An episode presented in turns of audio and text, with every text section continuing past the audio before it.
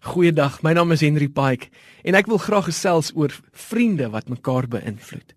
sien Romeine 6 vers 18 sê dat ons het slawe aan geregtigheid geword.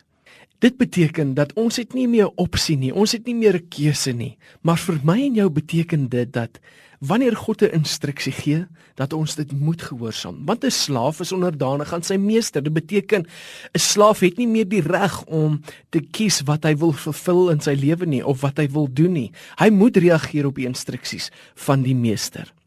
Maar sien, dit is nie waar dit stop nie. sien om 'n slaaf aan geregtigheid te word, Romeine 6 vers 19 beteken dit dat dit lei na heiligheid toe. Met ander woorde, ons kom op 'n plek waar ons volwasse word en dit lei na geregtigheid wat lei na heiligheid toe. En dit is wat die Here wil hê. Ons moet leer om heilig te wees soos wat hy heilig is. Dit is nie wat God noodwendig vir ons in gedagte gehad het nie. Want sien, hy stel nie belang in slawe nie. 'n Slaaf het geen idee wat sy wat die meester mee besig is nie. sien, God wil nie hy, hy moet 'n meester wees nie. Hy wil 'n vaderfiguur wees. Hy wil 'n vriend vir ons wees.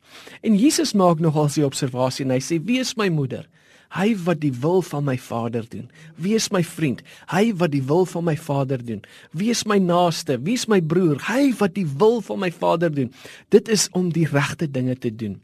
Ons sien uit die leefstyl en uit verhouding van Abraham, Moses en Dawid hoe hierdie ouens uitbeeld wat vriendskap met God lyk. Maar Jesus beeld verder uit hoe dit lyk om 'n kind van God te wees. Die begeertes van God lê altyd op die vriende of die seun se hart. En daarom omdat ons weet wat belangrik is vir God, as ons dit kan regkry, as ons dit kan gehoorsaam wees, met ander woorde slawe aan geregtigheid kan wees, dan sal ons vriendskap met God bekry. Maar dit is die voordele vir dies wat in vriendskap met God is. Hulle kan God beïnvloed. Ek dink aan Abraham wat Lot en sy hele familie gespaar het omdat Abraham namens hulle ingetree het. Hy het God se gedagtes verander. Moses wat in Eksodus 32 die hele Israel red van verwoesting omdat hy God beïnvloed het. Sien as ons toelaat dat die woord van God ons so beïnvloed dat ons vrug dra dan sal God ons toelaat om hom deur vriendskap te beïnvloed tot die plek waar ons vriendskap vrug dra. Mag jy 'n geseënde dag verder beleef. Totsiens